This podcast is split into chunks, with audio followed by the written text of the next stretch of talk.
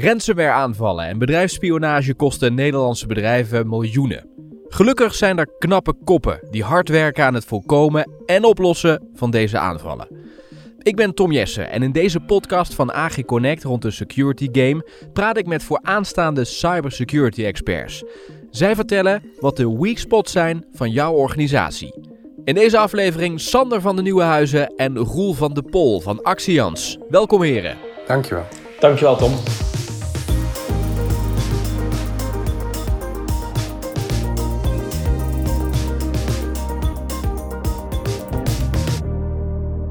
Er is natuurlijk veel aan, de hand als het gaat om uh, cybersecurity. Je hoort ook uh, ontzettend vaak waarschuwingen uh, aan organisaties en met name ook aan de mensen binnen die organisatie om de beveiliging goed op orde te hebben. Toch is het zo ja, dat er nog steeds nieuwe gevallen bekend worden en ook nog steeds um, hoor je dat mensen niet goed op de hoogte zijn van waar de risico's zitten. Hoe zien jullie de ontwikkelingen op dit moment? Het begin ik bij jou, Sander. Um, de ontwikkelingen zijn, zijn van de ene kant zijn die zijn die negatief te noemen. We zien uh, steeds meer uh, schrijdende gevallen. Um, de, de omvang is steeds uh, agressiever qua aard of van aard. kijk maar naar bijvoorbeeld een Acer computers die zojuist een ransomware aanval hebben gehad en een, een losgeld krijgen van, van 50 miljoen US dollar. Dus we zien dat we eigenlijk dit soort gevallen zien we eigenlijk steeds heftiger worden. En ook steeds omvangrijker. Dus dat het ook echt veel meer impact heeft op de organisatie. Anderzijds zien we dat het uh, ook steeds langer duurt voor die bedrijven om daarvan te herstellen. En dat is eigenlijk nog wel het allerslechtst. Dus, uh, dat is, uh, dus het is erger aan het worden. Dat is wel een conclusie die wij trekken als actiehouders zijn. En waar zie je het aan dat het erger wordt? Uh, hoogte van de bedragen, hoogte van de impact, um, um, hoogte op de, op de samenleving. Pak nu bijvoorbeeld een transportbedrijf, dat is deze week gebeurd, die, uh, die gehackt worden. En je ziet dus dat je bijvoorbeeld bij de Albert Heijn al een, uh, een heel simpel voorbeeld, dat je gewoon al geen, geen kaas meer kan kopen. En, uh, en je ziet afgelopen week dat een, een waternet Amsterdam, dat die geraakt wordt. En dat daar dus uiteindelijk sporen van, van, van, van, van buitenlandse hackersgroepen te vinden zijn. Dus dat als je toch echt begint te beredeneren dat een, een, een, schoon watervoorziening aangevallen kan worden, dan raakt dat, dan raakt dat de samenleving op zo'n ontzettende brede manier. Niemand geeft iets om als een keer zijn of haar favoriete kaas niet kan kopen bij de Albert Heijn. Maar op het moment dat je dus gewoon echt wel de schoon watervoorziening van onze grootste stad van, uh, van Nederland eigenlijk kan raken, ja, dan zijn er toch wel dingen waar we op een, die we op een andere manier moeten gaan benaderen, ons inziens. Oké, dat is interessant. Laten we daar eens over, uh, of eigenlijk op inzoomen. Roel, hoe zou je dat anders kunnen doen, wat jou betreft? Hoe zou je het anders kunnen doen? Um, uh, kijk, een hele hoop bedrijven die, uh, die, die, die, zien die hacks natuurlijk. Hè. We zien allemaal die hacks. Alleen ik denk dat het groot probleem is dat, dat bedrijven zich niet kunnen identificeren aan, aan de bedrijven die gehackt worden. Een waterbedrijf, uh, zoals Sander dat als voorbeeld geeft, is, is bepaald geen GGD, om maar even wat te noemen. Die hebben natuurlijk andere, andere assets, andere zaken die ze moeten beveiligen. Hè. Bij de ene gaat het meer over data, bij de andere gaat het meer over services. Um, en uiteindelijk zie je toch wel dat heel veel van die bedrijven natuurlijk best wel wat geïnvesteerd hebben in, in protective, preventive maatregelen. Um, maar dat is toch een beetje ontstaan uit, uit, uit een stukje verleden. Hè? als we een aantal jaren geleden dachten aan een, aan een security oplossing, dan was dat gauw de firewall waar men over begon. Hè? Dat is het appliance in, in, in een netwerk die dan voor de veiligheid zou moeten zorgen. Um, het is eigenlijk wel raar als je al een, firewall, een preventive maatregel gaat inzetten als je niet eens goed hebt nagedacht wat je assets nou zijn. Hè? Wat wil je nou beveiligen? dus dat stukje identify, hè? Dus dat je eerst goed gaat kijken van joh, wat heb ik nu in huis? Wat wil ik nu beveiligen? Waar zitten mijn En daar passende maatregelen op gaan, uh, gaan, gaan, gaan, gaan stoelen.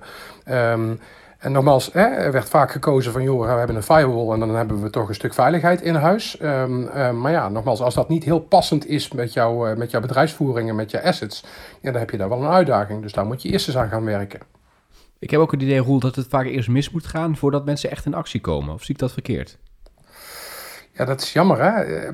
Uh, uiteraard, hè? het moet vaak eerst uh, misgaan voordat mensen op, opschrikken en denken van... hé, hey, hier, hier hadden we beter iets voor moeten regelen. Ehm, dat is ook de reden waarom wij zeggen van... joh, weet je, je, je moet natuurlijk goed gaan kijken naar die passende preventive maatregelen... maar ga er wel vanuit dat het vraag, vandaag of morgen eens een keer misgaat. Hè? Uh, um, uh, als je niet gehackt bent, dan, dan word je waarschijnlijk gehackt. Uh, dus alleen maar eh, kijken naar preventive, protective maatregelen, dat is echt niet, dat is echt niet van vandaag de dag. Je moet echt een plan gaan hebben. Wat gaat daarna komen? Hè? Hoe kan ik toch beter overzicht houden. Hoe kan ik toch meer beter detecteren wat er toch doorheen glipt? En wat is het plan als het dan fout gaat? Hè? Afhankelijk nogmaals van de type organisatie. Is het een stukje data? Kan ik die recoveren? Zijn het services? Heb ik daar een uitwijkcentrum voor? Weet je, daar echt toch wel een plan voor hebben. Plan is natuurlijk een stukje proces wat je kan definiëren, maar daar horen een stukje tooling bij. En uiteraard moet je ook goed gaan kijken welke, welke, welke kennis je daarvoor nodig hebt. En dus zowel over de as van people, process of technology moet je daar echt wel gaan kijken. Hoe ga ik zeg maar terugkomen als het toch niet helemaal is gegaan zoals ik zou willen. Oké. Nou heb ik uh, uh, eerder geleerd, ook in dit soort podcast, 100% veiligheid bestaat niet, uh, Sander. Hoe kun je nou toch als organisatie toewerken naar een situatie waarvan je eh, kunt zeggen, oké, ehm, niet alle risico's zijn afgedekt, maar we zijn wel op de goede weg en we hebben een, laat ik zo zeggen, een veilige basis staan? Kijk, de meest veilige basis is uiteindelijk hè, om een, gewoon een muur om je pand heen te zetten hè, en daardoor zou je uiteindelijk niemand meer binnen te laten. Maar zelfs in het geval van cybersecurity is dat geen oplossing. Dus je bent op zoek naar iets, um, en Roel zei dat juist al eerder, naar iets wat bij je past. En je moet weten wat bij je past. En je moet weten waarom je organisatie interessant is, of interessant kan zijn, is misschien nog beter om het zo te stellen, voor, uh, voor, voor hackers. Um, ik denk dat heel veel van onze, van onze, van onze uh, van, de, van de mensen in Nederland hè, um, zichzelf echt onderschatten. Dat ze zeggen van, daar zijn wij toch niet interessant voor. Dat is iets dat wij bijzonder vaak horen. Dit, dit overkomt ons nooit. Dus echt weten vanuit een, een ICT-poot en eigenlijk nog vanuit de business-poot van wat is nou datgene wat ons vulnerable zou kunnen maken. En laat een voorbeeld over geven. Op het moment dat je een, eh, een, een, een fabriek hebt, dan is bijvoorbeeld de receptuur voor het maken van datgene wat jouw organisatie al al die jaren overeind houdt. Pak bijvoorbeeld het geheime recept van Coca-Cola. Uh, het speciale ingrediënt van Pilkington glas. Uh, en nog heel veel andere voorbeelden te noemen is gewoon iets wat bijvoorbeeld eh, enorm belangrijk is. Dat dat gewoon uiteindelijk gewoon beveiligd is en gewoon uiteindelijk ook nog fysiek in een kluis ligt. Anderzijds zien we dus bijvoorbeeld vandaag de dag ook uh, het lamleggen van, uh, van een organisatie gewoon als een, als een activiteit. Gewoon echt om een organisatie uh, lam te leggen, plat te leggen en echt gewoon zorgen dat zij, zij of haar businessactiviteit niet, uh, niet langer kan, uh, kan, ja, kan, kan voortzetten. En om terug te komen op jouw vraag, hoe kun je je eigen daar nou uh, 100% in beveiligen, bestaat niet. Maar weten welke informatie je hebt, weten wie erbij kan, weten naar, naar wie raadpleegt die informatie en eh, en hoe gaan wij om met die informatie is enorm belangrijk. Want tegenwoordig, kijk naar bijvoorbeeld ransomware. Hij heeft allemaal te maken met data. Ze zijn op zoek naar je data. Uh, als je een DDoS aanval krijgt, dan zijn ze op zoek om je uiteindelijk gewoon lam te leggen, plat te leggen. Um, je moet weten wat is nou datgene wat voor mij een gevaar is. En op die basis moet je je eigen gaan wapenen. Op het moment dat ik in de bossen ga lopen, ja, dan ga ik uiteindelijk ga ik kleren aandoen.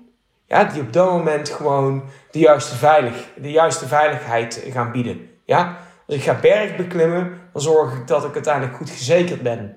Nou, dat is eigenlijk de manier van omdenken. Hoe je, moet gaan, hoe je zaken moet gaan redeneren. En dat heeft niet alleen maar met techniek te maken.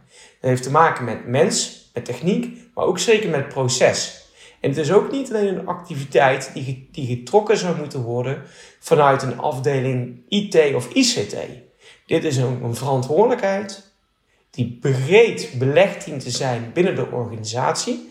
Gedragenheid hebben we het hier over. En die dus niet alleen maar vanuit een ICT, uh, vanuit een ICT-team of vanuit een CISO uiteindelijk als belangrijk bevonden zou moeten worden. Dit is iets wat doorgaat tot met de CEO toe. Dit is dus gewoon iets wat hoort gewoon gedragen en begrepen te worden binnen de gehele organisatie. Punt. Hm. Nou is het ook zo dat, uh, en ik, denk dat heel veel organisaties dat prettig vinden, dat je wat houvast hebt. Uh, en jullie werken daarom met een vijf-stappenplan. Hoe, hoe ziet dat stappenplan eruit, Roel? Ja, dus uh, dat stappenplan is eigenlijk gebaseerd op het, uh, op het NIST-framework. Dus daar waar we eigenlijk eerst gaan, gaan starten met dus die identify-fase. Dus, dus niet gelijk stappen naar dat uh, protective gedeelte, hè, waarbij je daadwerkelijk die passende maatregelen gaat toepassen. Maar eerst gaan identificeren Oké, wat zijn mijn assets? Waar zit mijn data? Waar zitten eventueel vulnerable systemen? zeker in OT-wereld weten we allemaal dat daar heel veel systemen gebruikt worden die toch wel uh, wat gedateerde en wat moeilijk te patchen uh, operating kennen. Ja, ga dat eerst wel in kaart brengen. Dus dat is de eerste logische stap. Nou, dan gaan we naar dus die passende maatregelen waar we het nu al een paar keer over hebben gehad. Wij denken, er zijn natuurlijk een hele hoop bedrijven die hebben al best wel geïnvesteerd in, in ja, eh, next generation firewalls en, en toegangscontrolesystemen en misschien wat encryptie. Maar in de praktijk zien we toch wel dat, uh, dat heel veel van die, van die configuraties van die appliances eigenlijk toch wel een beetje gebaseerd zijn op hetgene wat ze daarvoor hadden. Hè. De apparaat is eens een keer vervangen en dan komt dus een nieuwe generatie appliance eh, voor in de plaats. En vaak worden toch die configuraties op dat moment toch redelijk één op één um, gekopieerd als het ware. Right? Dus ga eerst eens zo kijken van joh, wat kun je dan in die preventive uh, fase uh, aan hardware en aan, aan, vooral aan configuratie beter benutten. Nou, daarnaast moet je nog op zoek naar ja, wat ik al zeg, meer passende maatregelen. Wij geloven heel erg dat daar het, het SIS-20 framework van het voormalige Sun Security, dus uh, Center of Internet eh, Security die heeft, heeft een, aantal, aantal kritische controlsets gedefinieerd. 20 controlsets en iedere control kent een, een pak een beetje een tiental subcontrols. Um, het is een heel mooi framework waar je heel tastbaar kan gaan kijken van joh, wat zijn nu echt passende maatregelen. Waarom specifiek dat framework? Want je hebt natuurlijk de ISO en, en een BIO en en 7510, meter tech, ga zo maar door. Weet je, persoonlijk vind ik dat heel veel van die, van die andere frameworks toch een beetje high level zijn. En wat, wat, wat, uh, wat onduidelijk wat je dan uiteindelijk concreet kan gaan doen. En dat SIS-20 framework, dat het laat zich enerzijds heel erg letterlijk te vertalen naar al die andere frameworks. En anderzijds is, is het best tastbaar. Hè? Ga daar encryptie doen, ga daar uh, doen, enzovoort enzovoort. Dus dat is die, die tweede stap waarbij je echt die preventive maatregelen naar een hoger pijl gaat trekken. Maar nogmaals, security, 100% security bestaat niet. Hè, dus je moet gaan kijken wat daarna. Hè, dus, dus zorg voor die, die juiste detectiemaatregelen. Ga kijken hoe kan ik beter inzicht krijgen in mijn omgeving.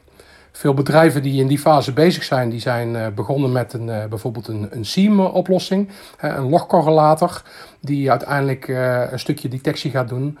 Um, maar ja, goed, log valt of staat wel met de bron die de log aanlevert. Hè. En heel veel devices kunnen geen log aanleveren of heel beperkt. Een hacker zal ook eerst proberen logging functionaliteiten uit te zetten als hij ergens op binnen is. Dus dan ben je alsnog blind. Dus naast die SIEM-oplossingen hebben we ook de, de netwerk detect response uh, oplossingen. En ook vanuit de endpoint gezien. Hè. Dus dat is eigenlijk een gouden driehoek waarbij je daadwerkelijk een volgende stap kan gaan maken in je detect. En, en aansluitend daarop ook, hè, dat is dan stap 4, respond en recover als stap 5. dus respond, hoe ga je reageren? Dat noodplan, hè, maar een uitwijkcentrum, eh, een, een backup. En, eh, en de laatste stap, hè, dat recover gedeelte, hoe ga je dat daadwerkelijk terugzetten? Dus dat zijn die vijf stappen eigenlijk nogmaals gebaseerd op dat NIST-framework die wij uh, um, ondersteunend aan SIS-20 control set uh, gebruiken om uiteindelijk die, die stip op die horizon te zetten. Om, om toch die, die omgeving een stuk veiliger te maken dan alleen maar die firewall van vroeger, zeg maar exact.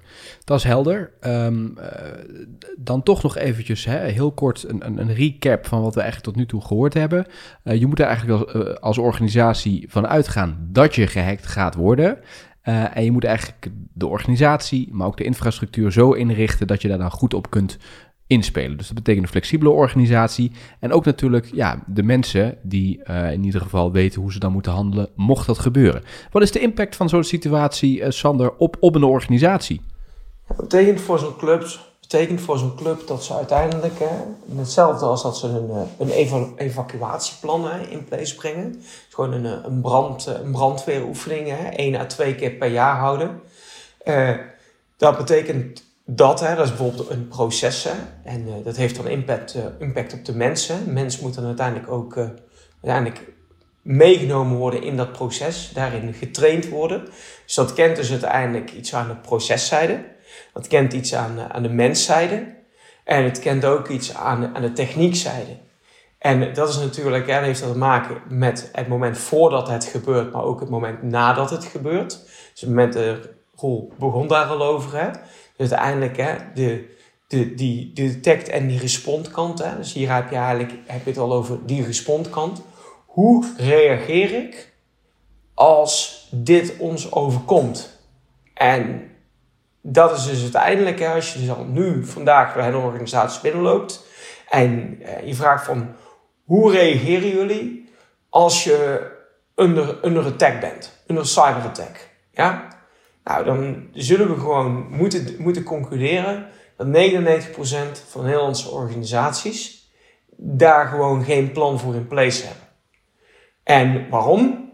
Omdat het namelijk ook nog gewoon steeds gezien wordt als een excess. Het is niet iets wat mij overkomt. Het is iets wat mijn buurman overkomt. Ik ben niet interessant. Ja, en uh, dit is een hele, hele stevige impact als het wel gebeurt. Hè. Je ziet ook bijvoorbeeld uh, zo'n gemeente, die, uh, die Hof, Hof van Twente volgens mij uit het hoofd, waar dat dus gebeurd is. Ja, en dan zie je dus uiteindelijk dat als je een plan hebt en je weet wat je moet gaan doen. En je weet wat je moet gaan, moet gaan checken. En je weet wat je moet gaan controleren. En moet even ook hoe je het gaat herstellen. En je hebt het op papier staan, uh, dat je dus uiteindelijk door middel van bijvoorbeeld een goed uitwijkplan weten welke, uh, welke, waar mijn assets staan, dat je uiteindelijk gewoon zo'n situatie drie stappen vooruit bent. In plaats van dat je nog het plan moet gaan schrijven nadat het gebeurd is. En daar zijn echt wel gewoon hele belangrijke dingen. En dit heeft niet alleen te maken met cybersecurity tooling. Dit heeft ook te maken met uh, backup, uh, goed uitwijkplan. Uh, weten wat je verwacht. Hè? Dus uiteindelijk als je dan spreekt over return point objective en return time objective. En wanneer wil ik wil kunnen herstellen en hoe snel wil ik kunnen herstellen van een bepaalde situatie. Uh, dit soort plannenmakerij doen we al jaren wanneer bijvoorbeeld een computerruimte uitbrandt. Maar we denken er niet over na dat de computerruimte gewoon niet meer toegankelijk is. Omdat al onze data versleuteld staat op een computerlocatie A. En dat ik eigenlijk compleet aangewezen ben op computerlocatie uh, 2. Dus het is eigenlijk de aloude uitwijkdiscussie, waar we eigenlijk al in de ICT de laatste 15 tot 20 jaar over aan het spreken zijn, wordt eigenlijk in een nieuw jasje gegoten, maar dan eigenlijk met een volwaardig proces eromheen. En dat je er ook over nagedacht moet hebben. Dat je dus ook nog eens een keer moet weten dat je data dan ook niet op locatie 2 versleuteld staat. Dus het, het kent heel veel aspecten en het, en het is een zeer challenging iets voor een organisatie. Het is geen, het is geen simpele opgave. Laten we het daar maar op houden.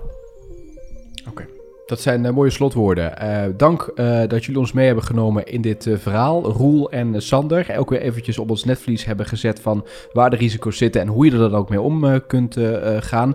Roel van de Pol en Sander van de Nieuwenhuizen, beide van Actians. Dank voor jullie bijdrage en jullie verhaal. Graag gedaan. Jij ook bedankt Tom. Jij bedankt Tom. Fijne dag verder.